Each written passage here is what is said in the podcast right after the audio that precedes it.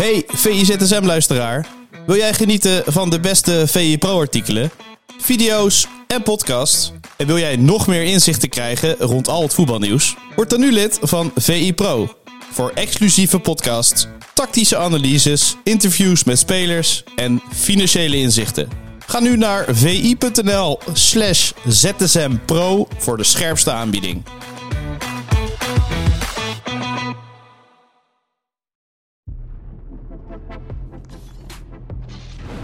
Welkom bij de VIZSM van dinsdag 20 februari. Ik eh, ben Sjoerd Keizer en ik ga het actuele voetbalnieuws doornemen met Bas van der Hoven. Hele goede morgen, Bas. Goedemorgen. We hadden het van tevoren al eventjes voor de podcast over. Misschien eh, wat uh, een ZSM in de luwte. Maar dat kan ook heel lekker zijn, hè? dat je ja, in de luwte kan presteren. Dat is ook wel, wel eens fijn.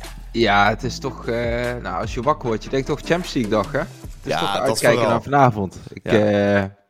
ja, ik moet zeggen, ik heb er wel zin in. Ben ook ontzettend benieuwd. Ehm, in hoeverre PSV Dortmund echt eh, lastig eh, kan maken. Zeker, daar gaan we het eh, later in de, de podcast eh, over hebben. Laten we beginnen met het voetbal eh, van gisteren. Want dat is wel een voordeel. Hè? Want eh, ja, eh, ik denk dit seizoen heb ik nooit een dag gezeten dat ik dacht... Er is geen voetbal. Nee, nee, je, je bent niet in die, eh, in die eh, B-programma's eh, van RTL en SBS eh, beland, om het zo maar te zeggen. Nee. nee, ja, gisteren ook weer een vermakelijke avond, hè. Everton, Crystal Palace, eh, Atletiek tegen Girona. Atletiek was echt goed. Eh Iñaki Williams, die Girona het leven zuur maakte. Real nu een voorsprong van zes punten in, in La Liga. Ja, Ja, als ik eerlijk ben, denk ik dat dat wel gespeeld is. Nou, dat zag je laatst natuurlijk ook bij die onderlinge confrontatie. Hè, dat ja, het klassenverschil was wel duidelijk. sprookjes voorbij. Of, of is het nog steeds een heel mooi sprookje als ze tweede of derde eindigen? Ja, Champions League voetballen halen is nog steeds een sprookje. Alleen, ja, je weet hoe het gaat. De opbouw in een seizoen is Ja. vaak toch ook wel van invloed eh, hoe ernaar gekeken wordt. Hè, als we van, ja, zeg maar in de laatste speelrondes vanuit de vijfde plaats die top 4 zouden binnenstoten. eh, dan wordt het misschien nog meer als een succes ervaren dan ja, als ze nu een beetje terugvallen en uiteindelijk gewoon alsnog wonderbaarlijk in de top 4 eindigen. Ehm, en Everton. Ja. Ja, die hebben al twee maanden niet meer gewonnen in de, in de Premier League. Eh, nu thuis tegen Crystal Palace, hè, waar Hodgson eh, net ontslagen is. Ja, het was een wedstrijd die ze moesten winnen. Eh, bij Palace ontbrak eh Odyssey, Essay ontbrak. Ja, dat zijn de twee spelers die daar het verschil kunnen maken. En dan blijft er eigenlijk best wel mager elftal over. Alleen ja, het lukte Everton toch niet om, om er doorheen te spelen. Nee, Olivier Glasner die zat eh, op de tribune nog eh, Ja. toe te kijken. Wat zou hij hebben gedacht? Eh, dit- wordt een eh, helse klus. Ik denk dat hij zou hebben gedacht, laten we hopen dat Odyssey en Essay ontzettend snel fit zijn. Nou ja, de laatste jaren was het natuurlijk vaker zo, hè, maar waren ze ontzettend afhankelijk van Zaha, die ze verkocht hebben. Ehm, die hebben ze ook verkocht eigenlijk met als gedachte van, oké, ja, we hebben deze twee jonge jongens, eh, die kunnen de kar gaan trekken. Eh, alleen ja, die zijn ontzettend blessuregevoelig eh volgens nog. Dus ja, dat maakt het wel lastig. Ik denk wel dat Palace het uiteindelijk redt hoor. Ehm, ja, net zo uit tegen F. Defensief zijn ze vaak toch nog wel redelijk stabiel. En ja, de onvrede met Hodgson zat er meer in dat ze niet konden doorstoten naar middenmoot subtop. Wat natuurlijk wel de hoop was, hè, dat het voetbal op een gegeven moment ehm, op positiever zou wo- worden. Eh, het was veelal eh, overlevingsvoetbal. Eh, ja, een beetje bungelen boven die degradatiezone. Ehm, maar goed, ik denk dat ze daar wel goed genoeg voor zijn om, om dat in ieder geval vast te houden. Ja, want het is wel zo'n ploeg die standaard elfde wordt, hè, voor je gevoel. Ja, klopt, klopt. Ja, dat op een gegeven moment, eigenlijk is dat natuurlijk ook helemaal prima. Hè? Ja. Want als je, als je naar de, de club kijkt, de grote, eh best oud stadion, financiële middelen, nou ja, eh, natuurlijk, eh, als je het vergelijkt met de Eredivisieclubs, waanzinnig. Alleen naar Premier League begrippen, ja, middenmo, hè, een beetje plekrechte rijtje. Alleen ja, tegenwoordig, het is niet snel meer goed genoeg, hè. Zelfs dat eh went, zo'n veilige positie eh, in de middenmoot. En dan, eh, ja, dan wil de club-eigenaar en de sporters, die willen toch meer. Ze hebben dat natuurlijk geprobeerd met Frank de Boer een tijdje. Hè. Toen kwam de Hollandse school. En moest eh, Wayne Hennessy eh, moest opeens eh, gaan opbouwen van achteruit. Nou, dat eh, ja, mislukte grandioos. Ehm, en ja, die, die wens om toch wat positieve voetbal te gaan spelen is wel gebleven. Hè? Vieira heeft het geprobeerd daar. Eh, en nu is Glasner eh, de volgende. Ja, ja, wel bijzonder hoe, hoe dat gaat. Hè? Want eh, ik denk dat het besef pas komt als ze een keer eruit kukelen. Ja, klopt. Dus zou je dat ze, ze wensen dat ze iets meer besef krijgen van hoe mooi het nu is? Of, Nou ja, mensen. Nee. Nee, ja, om eerlijk te zijn, ik ben zelf drie keer bij uh, Crystal Palace geweest. En het is een beetje mijn, uh, mijn favoriete club geworden. In, uh... Dus ligt gevoelig deze vraag. ja, het ligt heel gevoelig. Ik wens het absoluut niet. Nee, nee, maar het, is wel echt een leuke club. fanatiek publiek. leuk stadion. Echt oud-Engels. als je naar Londen gaat, aanrader. Ja, en ook niet te, duur natuurlijk, eh, qua kaartjes, uh, vergeleken met andere grote stadions. Nee, klopt. Het is nog prima te doen. Even een clubkaart uh, aanschaffen. of via VE Travel natuurlijk. Uitstekend was hij. Dit was niet eens uh, afgesproken, maar uh, mijn handen jeuken om uh, naar Londen te gaan. Het stond sowieso op de planning. ja? Dus ja, misschien ga ik wel naar Palace. Of, ja. of Fulham of zo. Maar die ja, kaarten zijn nou, ook Fulham is ook mooi, ja. Ja, ja zijn alleen wel lastig, die kaarten. Zit wel redelijk vol altijd natuurlijk. ik moet zeggen, als je voor de sfeer gaat, zou ik eerder voor, naar Palace gaan dan naar Fulham. Fulham is een beetje een ja, openluchtmuseum in de zin van klassiek stadion. Uh, wat minder uh, fanatiek publiek. zie je ook wel een beetje in de buurt uh, waar je daar rondloopt. Wat, wat betere buurt. Wat opstand. Ja, precies. Ja. Hey, en we hadden het er een rondje Eredivisie gisteren over Ajax. die, ja, Martijn Krabbedam zei het, nou in één mooi, mooie zin vat hij het samen. Ajax is in één week ja, weggespeeld door halffitte Noren en NEC. En toen kwamen we tot de conclusie dat dat wel ja, heel pijnlijk was eigenlijk. Hè? En uh, misschien het seizoen wel samenvat. Ja, ik denk uh, eigenlijk zie je die er slecht in zaten na het weekend. Uh, die, werden nog wat dieper, die werden nog wat dieper in de put geduwd. ja. Nee, Toch nee, was het het meest bekeken op uh, Pro. ja, nee, zeker. Nee, ehm, ja, ik denk dat het met name pijnlijk was hoe, hoeveel kansen je weggaf tegen NEC. Hè, dat het was eigenlijk ongelooflijk. Ook wel het gemak waarmee NEC aan die kansen kwam. Um, en nou, je hebt natuurlijk wel vaker zo'n wedstrijd tussen een topclub en een middenmotor. Uh, dat het 1-1 staat, dan valt die 2-1, die bevrijdende 2-1. Dan denk je, oké, okay, ja, nu is het wel binnen.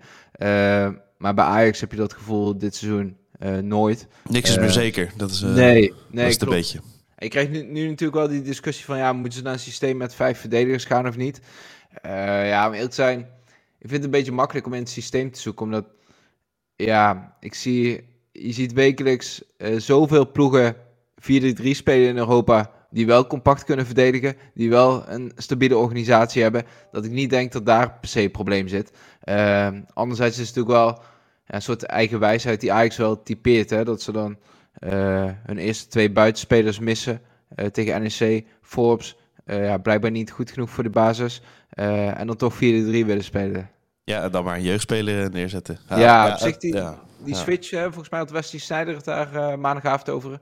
Een switch ehm, naar een 4-4-2. met Rijkoff aan de zijde van Brobby. Het lijkt me dan eerlijk gezegd, zie ik nog eerder zitten dan een, een 5-3-2.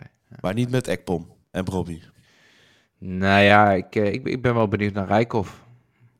Nee, ja, uh, zeker. Maar ja, Ekpom uh, lijkt uh, natuurlijk iets volwassener nog te zijn. Dus. Ja, nee, voor zo'n zo'n doel-die-wedstrijd in, in Noorwegen is dat misschien wel beter. Ja, ja precies. Hey, en het meest gelezen op VI.nl was voor wat mij betreft een best wel opvallend bericht. Dus het is natuurlijk niet, niet leuk, want de spits van Oostenrijk gaat het EK niet halen. Kalasic. Maar ja, ja wa waarom zou dat zo goed gelezen zijn, uh, Bas? Het is natuurlijk een EK-tegenstander van, van Nederland. Maar ik denk, ja, misschien zei je terecht vooraf iedereen is een beetje vergeten wie de spits van Oostenrijk is. Ja, klopt. Je, je, vraagt je toch af van, met wie krijgen we nou... Je, kent natuurlijk de tegenstander, maar welke spelers krijgen we nou echt te maken? Ik denk dat veel mensen misschien ook wel wakker schrikken van... Goh, het EK komt wel echt dichtbij. Dit is ook een beetje de fase van het seizoen. krijg je nu dat spelers direct in tranen zijn als ze voelen dat het echt mis is. Want uh, ze weten natuurlijk wat er in de zomer wacht. Um, we moeten wel eerlijk zijn uh, Kalacic, uh, deze jongen, is de tweede spits van Oostenrijk. Gregoric is daar de eerste man. Die heb ik toevallig vorig jaar bij Keulen Freiburg van dichtbij gezien. Nou, dat is echt zo'n zo'n slimme spits die erin kleunt. die is 1,94 meter lang, die is sterk, die houdt de bal goed vast. Die wacht op bijsluitende middenvelders. Uh, nou, Kalacic ja, was eigenlijk zijn stand-in. Ook een lange jongen, 2 meter lang.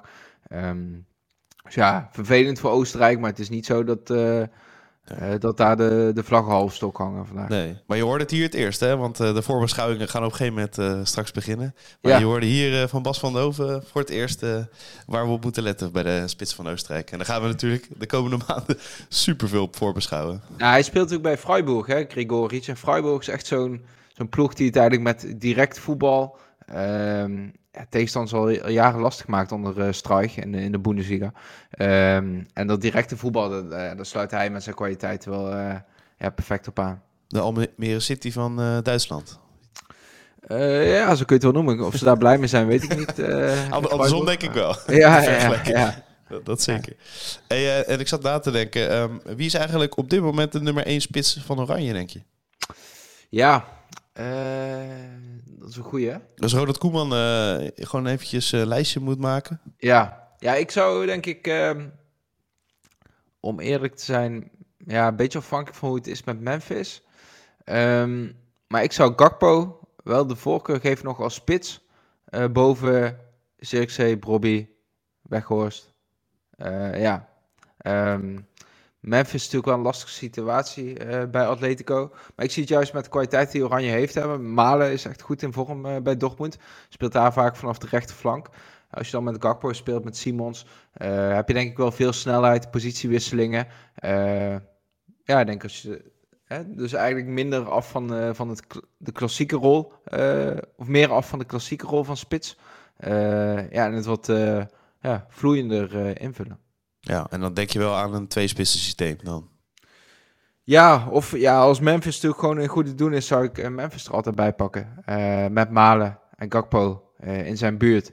Simons erachter. dan heb je denk ik echt wel een, een aanval staan waarmee het Oostenrijk verdomd lastig kunt maken. En uh, dan heb je Zirkzee nog, uh, die uh, maakt heel veel mooie goals bij Bologna. En ja, weet Tallinga. En, maar is dat echt een categorie nog flink daaronder, denk je? Dallinga vind ik wel, vind ik een categorie flink daaronder. Zirkzee is natuurlijk wel een spits die momentum heeft. Hè? En dat is af en toe iets ongrijpbaars. de laatste weken gaat het weer vaker over de ketchup-theorie van Ruud van Nistelrooy. Hè, dat er plotseling alles op zijn plek valt. Um, ja, ik zou een spits met momentum zoals CXC dat nu heeft in de Serie A, zou ik echt wel meenemen. En dat zou ik dan nog eerder gaan gebruiken dan echt een beetje een, een stormram. Hè? Laat zeggen dat uh, Weghorst in de laatste 10 minuten invalt. Die heeft niet echt momentum inderdaad, om het uh, zacht, zacht te zeggen. Nee, dat kun je wel zeggen. Nee, hey, en we hadden het al eventjes over vanavond en over de spits van Oranje. gaat Memphis eigenlijk spelen tegen Inter, denk je? Nou ja, ik denk het niet. En de laatste berichten in Spanje zeggen ook dat dat niet het geval is. Hij zat natuurlijk op de bank tegen Las Palmas zaterdag. Ehm, zat daar in goed gezelschap met de wereldkampioenen De Paul en Griezmann aan zijn zijde. Nou, denk je van oké, hij zal rust krijgen richting die Champions League wedstrijd tegen Inter. Want ze missen natuurlijk Morata. Um, alleen de laatste berichten in Spanje zijn dat, die, dat Simeone op de afsluitende training ook met uh, Lorente heeft gewerkt in de aanval. Dat Lorente aan de zijde van, uh, van Griezmann gaat spelen. Nou, ik denk dat het vooral uh, te maken heeft met de kwaliteiten van de tegenstander Inter. Hè, dat, Lorente is natuurlijk heel dynamisch. Eigenlijk een middenvelder. daarmee kan hij het middenveld versterken. Um, het afjagen van tegenstanders zit nog iets meer in zijn natuur natuurlijk dan bij Memphis het geval is. dus ja, je, je weet dat Simeone natuurlijk een vrij pragmatische trainer is.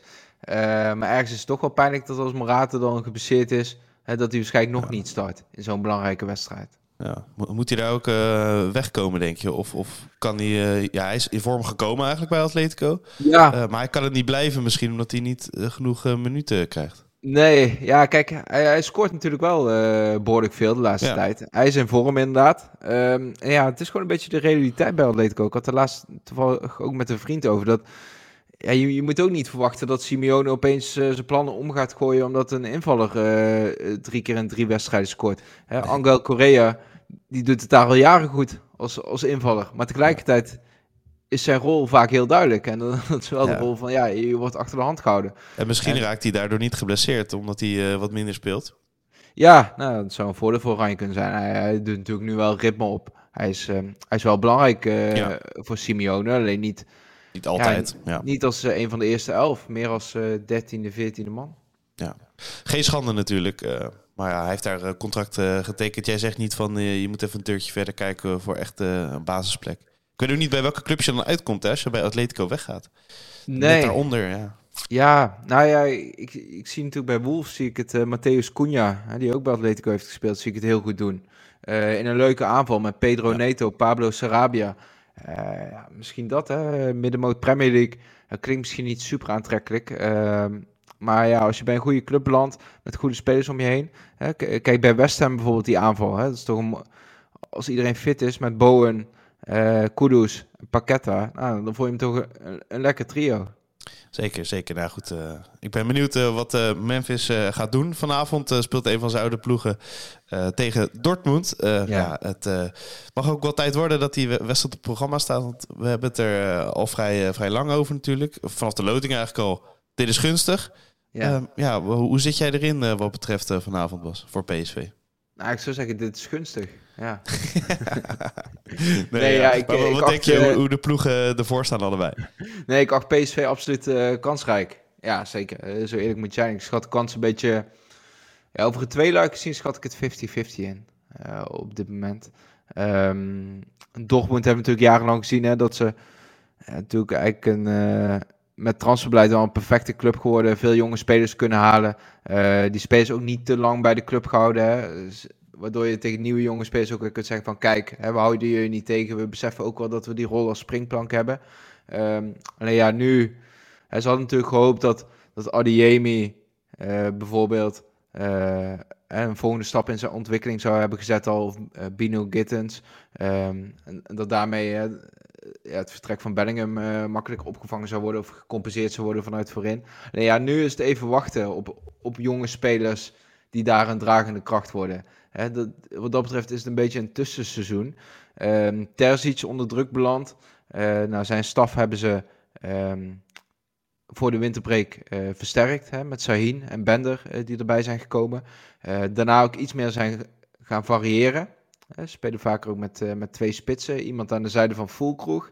En Fulkroeg vind ik wel echt een leuke speler om te zien, omdat...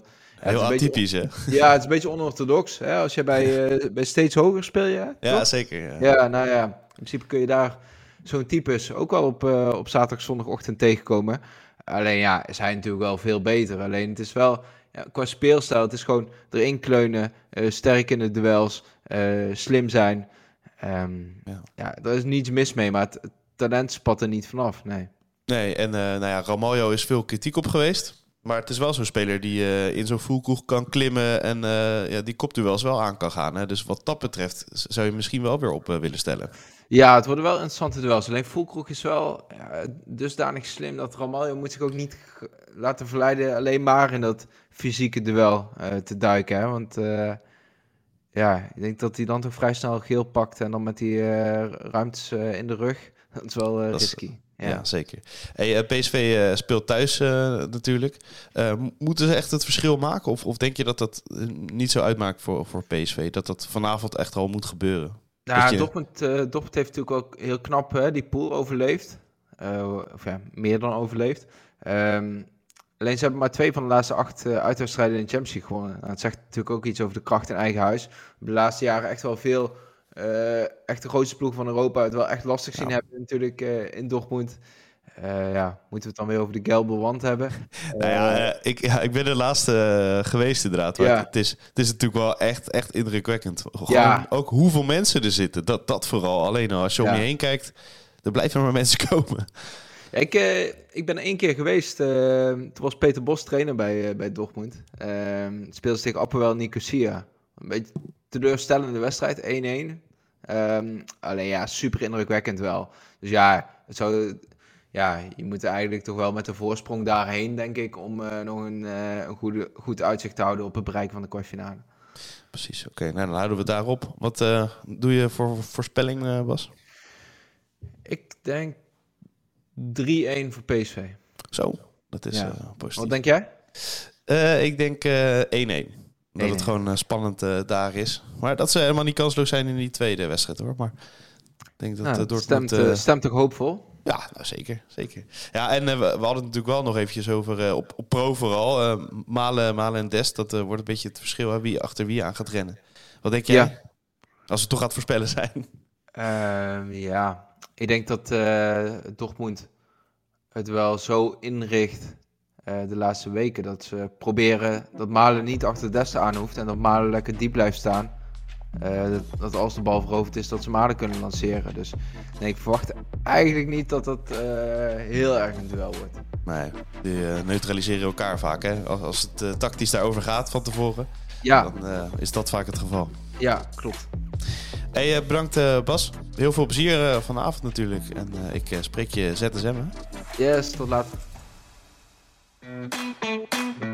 Wil jij nagenieten van de beste VI Pro artikelen, video's en podcasts? En wil jij meer inzichten krijgen rond al het voetbalnieuws? Word dan nu lid van VI Pro. Voor exclusieve podcasts, tactische analyses, interviews met spelers en financiële inzichten. Ga nu naar vi.nl slash zsmpro voor de scherpste aanbieding.